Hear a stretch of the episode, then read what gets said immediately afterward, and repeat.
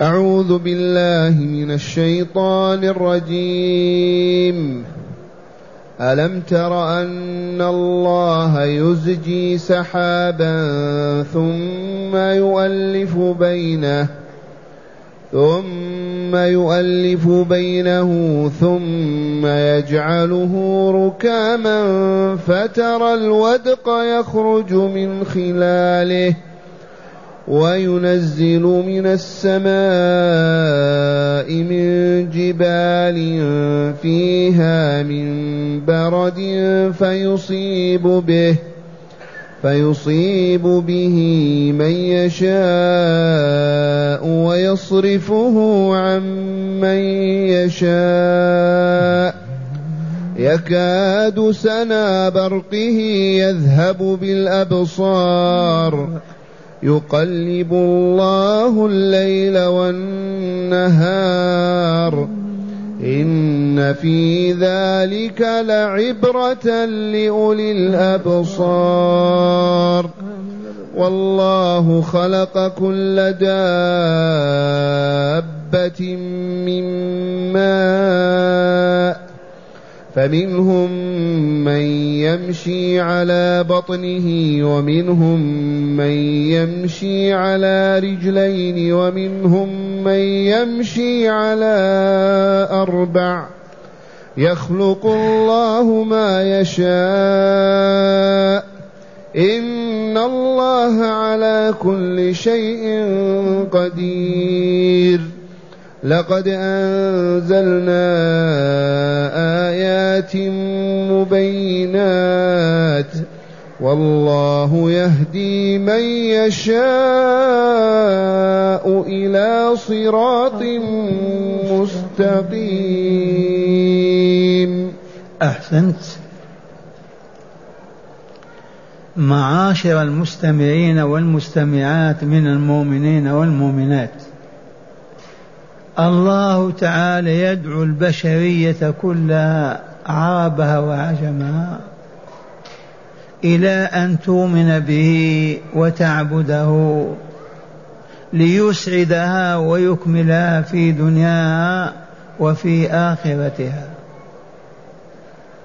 وهذه الآيات منارات وأعلام من كانت له بصيرة من كان له بصر.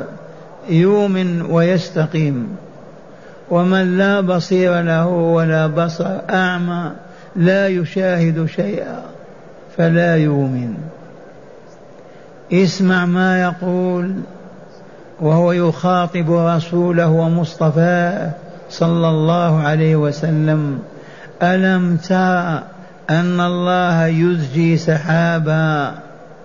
ألم ينتهي إلى علمك أن الله يزجي يسوق سحابا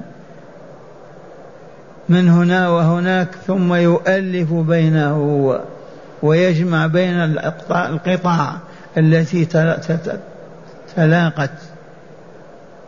ثم يجعله ركاما فوق بعضه فوق بعض. فترى الودق أي المطر والبرق أيضا الودق كذلك يخرج من خلاله من خلال ذاك المتراكم من السحب. وينزل من السماء من جبال فيها من برد حجارة بيضاء يصيب بها من يشاء يدمر بها بعض المزارع بعض الحقول بعض الحيوانات ويحفظ من يشاء من عباده. ويصرفه عمن يشاء. يكاد سنا برقه أي لمعان برقه يذهب بالأبصار. يخطب بصر الإنسان يعمى. من يفعل هذا؟ هل البشرية تفعل هذا؟ هل الجن يفعلون هذا؟ فكيف بالأصنام والأحجار التي تعبد دون الله؟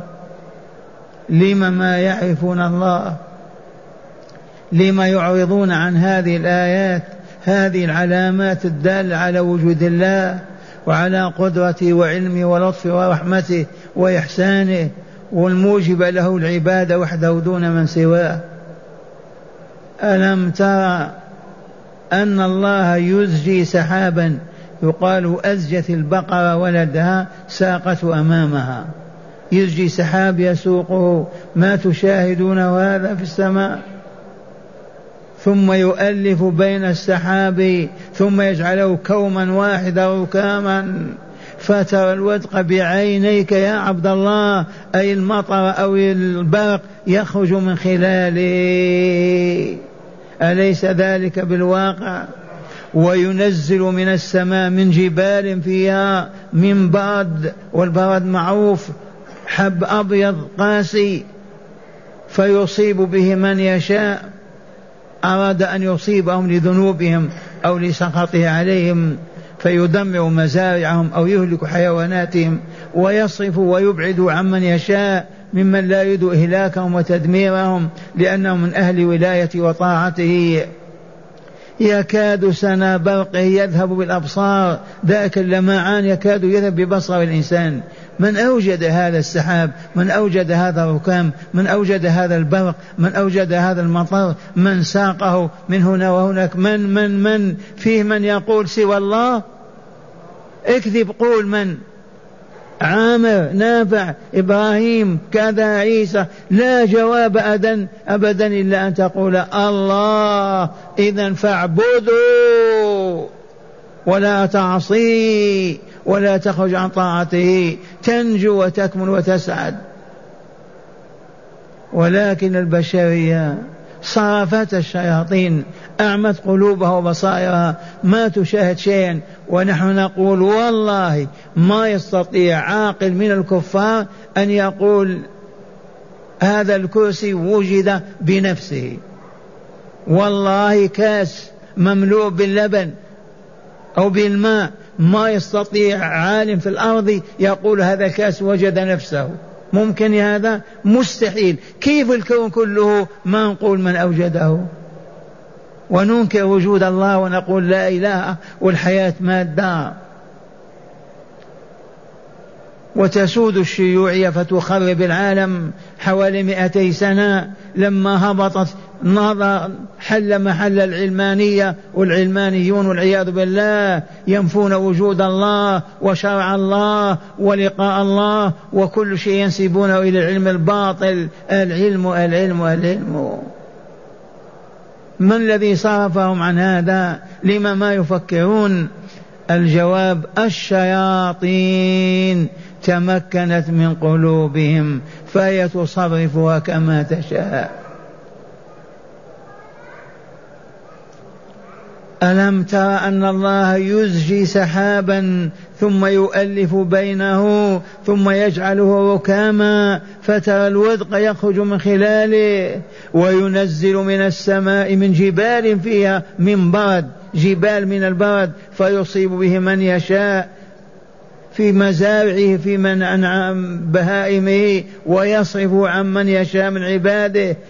يكاد سنا برقه يذهب بالأبصار. مشاهد مرئي ذاك اللمعان في البرق يكاد يعمي الإنسان لما ينظر إليه.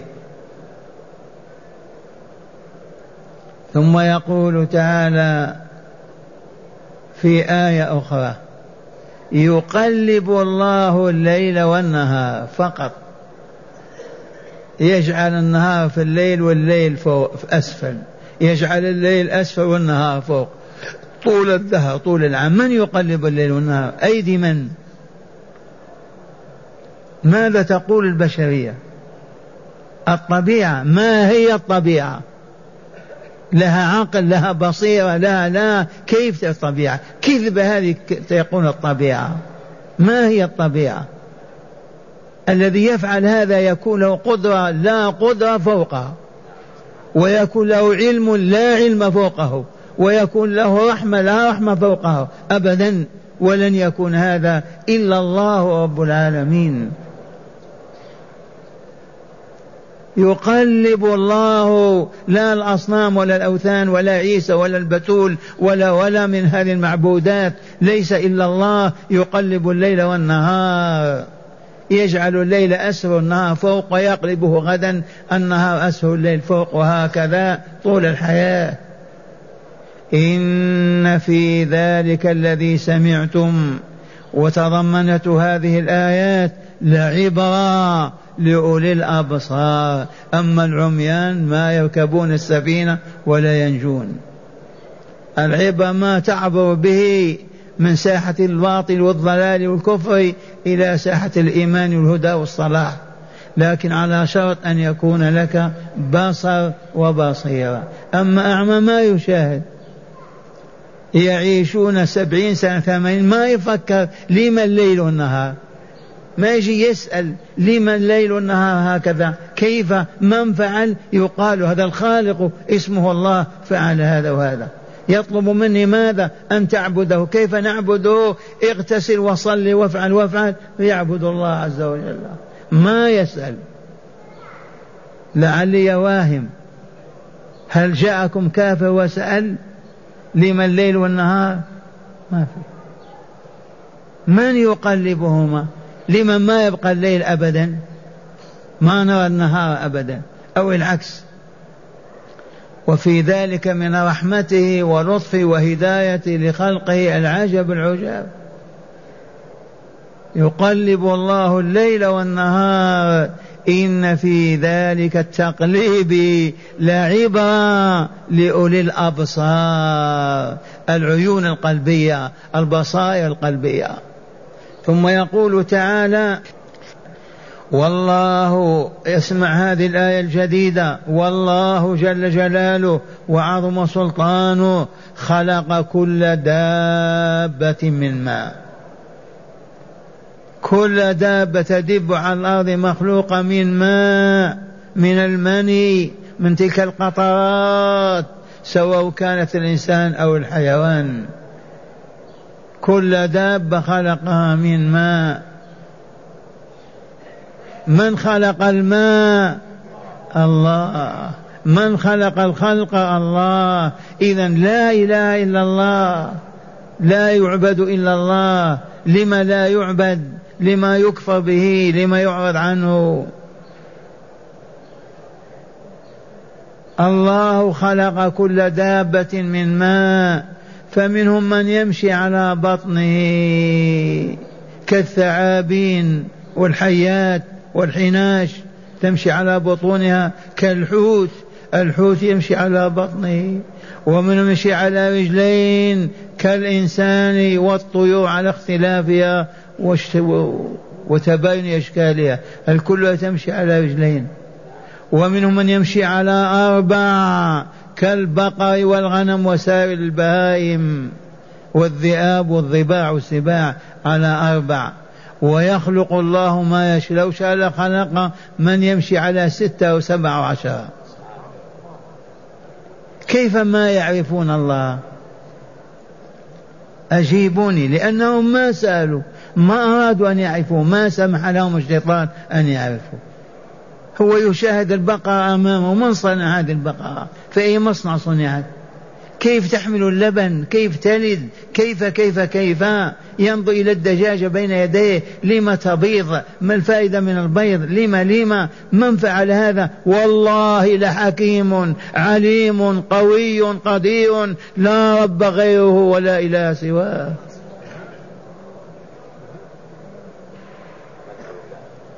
والله خلق كل دابة من ماء لم يذكر الملائكة ولم يذكر الجن لأن الملائكة خلقوا من النور من النار من النور والجن خلقوا من النار.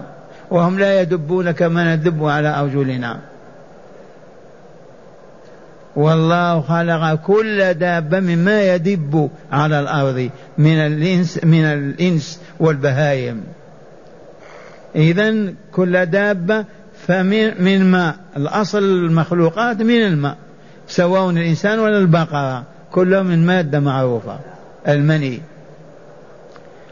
فمنهم من يمشي على بطنه كالحناش والحيات والثعاليب ومنهم من يمشي على رجلين كالإنسان والطير ومن يمشي على أربع كالبقر والغنم وما إلى ذلك. يخلق الله ما يشاء. لا ما يشاء غيره بل الذي يشاء هو هو الذي يخلقه. فلهذا خلق برجلين وخلق بأربع وخلق وخلق. إن الله على كل شيء قدير. والله العظيم. على كل شيء يريده أن يوجده قدير عليه لا يعجزه شيء. الذي رفع السماوات السبع يعجزه شيء الذي كوكب هذه الكواكب وأنار بها الكون يعجزه شيء الذي خلقني وخلق أمي وأبي من عدم يعجزه شيئا. إن الله على كل شيء قدير. إذا فهيا نفزع إليه وإلا لا؟ لما نفزع إلى الشياطين والبشر؟ ما دمنا مؤمنين أن الله على كل شيء قدير لا يعجزه شيء. إذا احتجنا إليه نفزع إلى الله بالضراعة والدعاء والبكاء والطاعة والاستقامة ليقضي حوائجنا ويؤدي ما ما نحن في حاجة إليه. أو علمنا أنه على كل شيء قدير ولا نلتفت إليه. يصح هذا من العقلاء؟ إن الله على كل شيء قدير. فمن أراد أن يتزوج أراد أن يبني أراد أن يسافر أراد أراد أي شيء يفزع إلى الله عز وجل لعلمه أن الله على كل شيء قدير. ما يفزع إلى البقرة والبعير أو يفزع إلى القبر والضريح كما يفعل الجهال. ثم قال تعالى لقد أنزلنا آيات مبينات. الآيات جمع آية كما تدرسونها علامه عظيمه تدل على وجود الله وعلى أنه لا رب غيره ولا إله سواه. علامات تدل على الطريق وتهدي السالكين إلى السعادة في الدارين.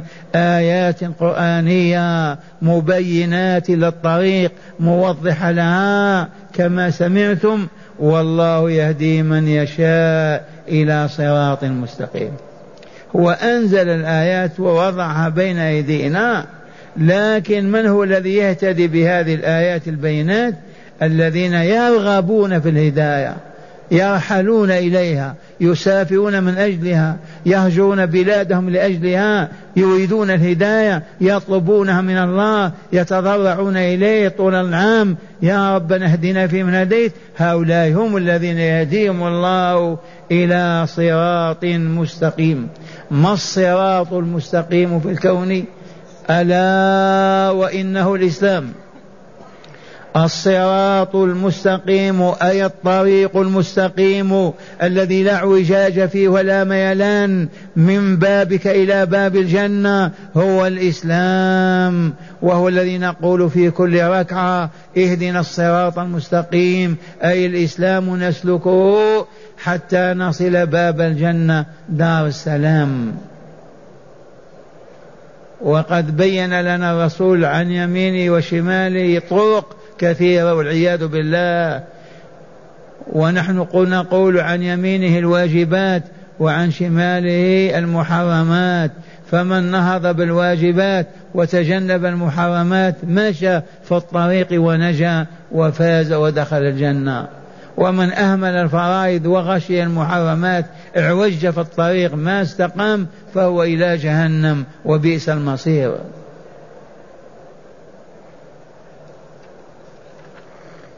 إليكم شرح الآيات من الكتاب لتزدادوا علما وبصيرا.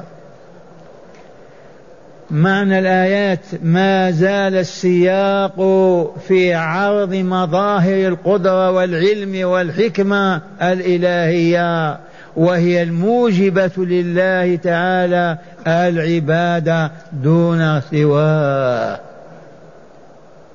ما زال السياق سياق الآيات في عرض مظاهر القدرة الإلهية والعلم الرباني والحكمة الإلهية وهي تلك الموجبة للعبادة لعبادة الله دون سواه. فقال تعالى ألم تر أن الله يزجي سحابا؟ أي ألم ينته إلى علمك يا رسولنا أن الله يزجي سحابا أي يسوقه برفق وسهولة؟ يزجيه برفق وسهولة لا بشدة وعنف. ثم يؤلف أي يجمع بين أجزائه فيجعله ركاما أي متراكما بعضه على بعض. فترى الودق أي المطر يخرج من خلاله أي من فتوقه وشقوقه. هذه الخلال والخلال جمع خلل كجبال جمع جبل جمع جبل وهو الفتوق بين أجزاء السحاب وهو مظهر من مظاهر القدرة الإله والعلم الإلهي. وقوله تعالى وينزل من السماء من جبال فيها من برد أي ينزل بردا من جبال البرد المتراكمة في السماء. فيصيب بذلك البرد من يشاء فيهلك به زرعه أو ماشيته ويصرف عمن يشاء من عباده فلا يصيب شيء من ذلك. وقلت لكم يصيب أهل الذنوب ينتقم منهم ولا ويبعد عن أهل الصلاح ما يبتليهم. فلا يصيب شيء من ذلك وهو مظهر وهو مظهر من مظاهر القدرة والعطف الإله واللطف الإلهي. وقوله تعالى يكاد سنا برقه أن يقبل معان البرق الذي هو سناه يذهب بالأبصار التي تنظر إليه أي يختطفها من شدة لمعانه. تشاهدون هذا وإلا لا؟ أيام المطر والسحاب. وقوله تعالى يقلب الله الليل والنهار بأن يظهر هذا بأن يظهر هذا ويخفي هذا. هذا هو التقليب. فإذا ظهر النهار اختفى الليل وإذا ظهر الليل اختفى النهار فيقلب أحدهما أو فيقلب أحدهما على الآخر فيخفيه ويستره به. مشاهد هذا وإلا لا وقوله تعالى إن في ذلك لعبرة لأولي الأبصار أي إن في إنزال البرد ولمعان البرق وتقليب الليل والنهار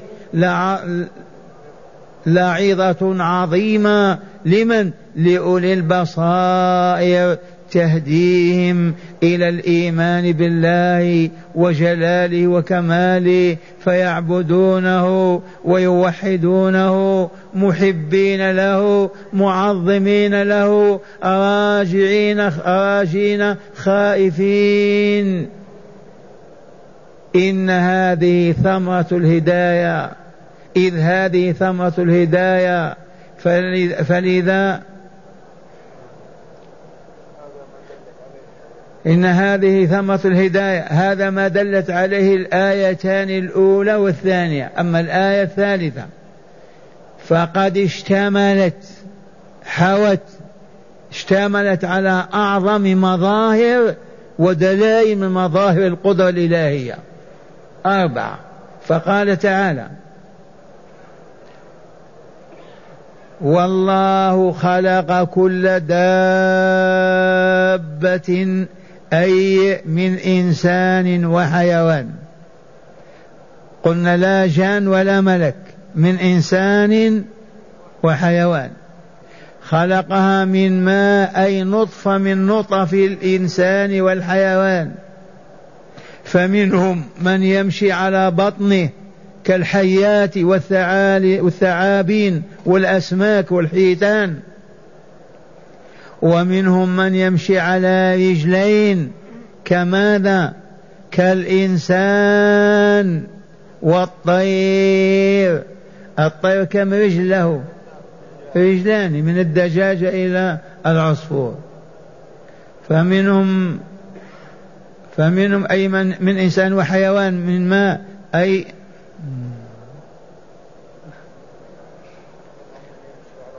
ومنهم من يمشي نعم فمنهم من يمشي على رجلي على فمنهم يمشي على بطنه كالحيات والثعالب والثعابين والأسماك أي الحيتان. ومنهم من يمشي على رجلين كالإنسان والطير. ومنهم من يمشي على أربع كالأنعام والبهائم الأنعام الإبل والبقر والغنم.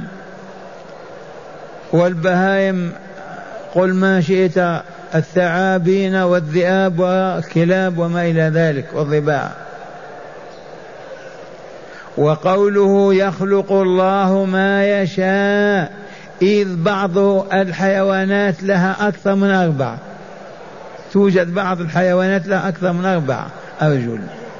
وقوله إن الله على كل شيء قدير أي على فعل وإيجاد ما يريد قدير لا يعجزه شيء.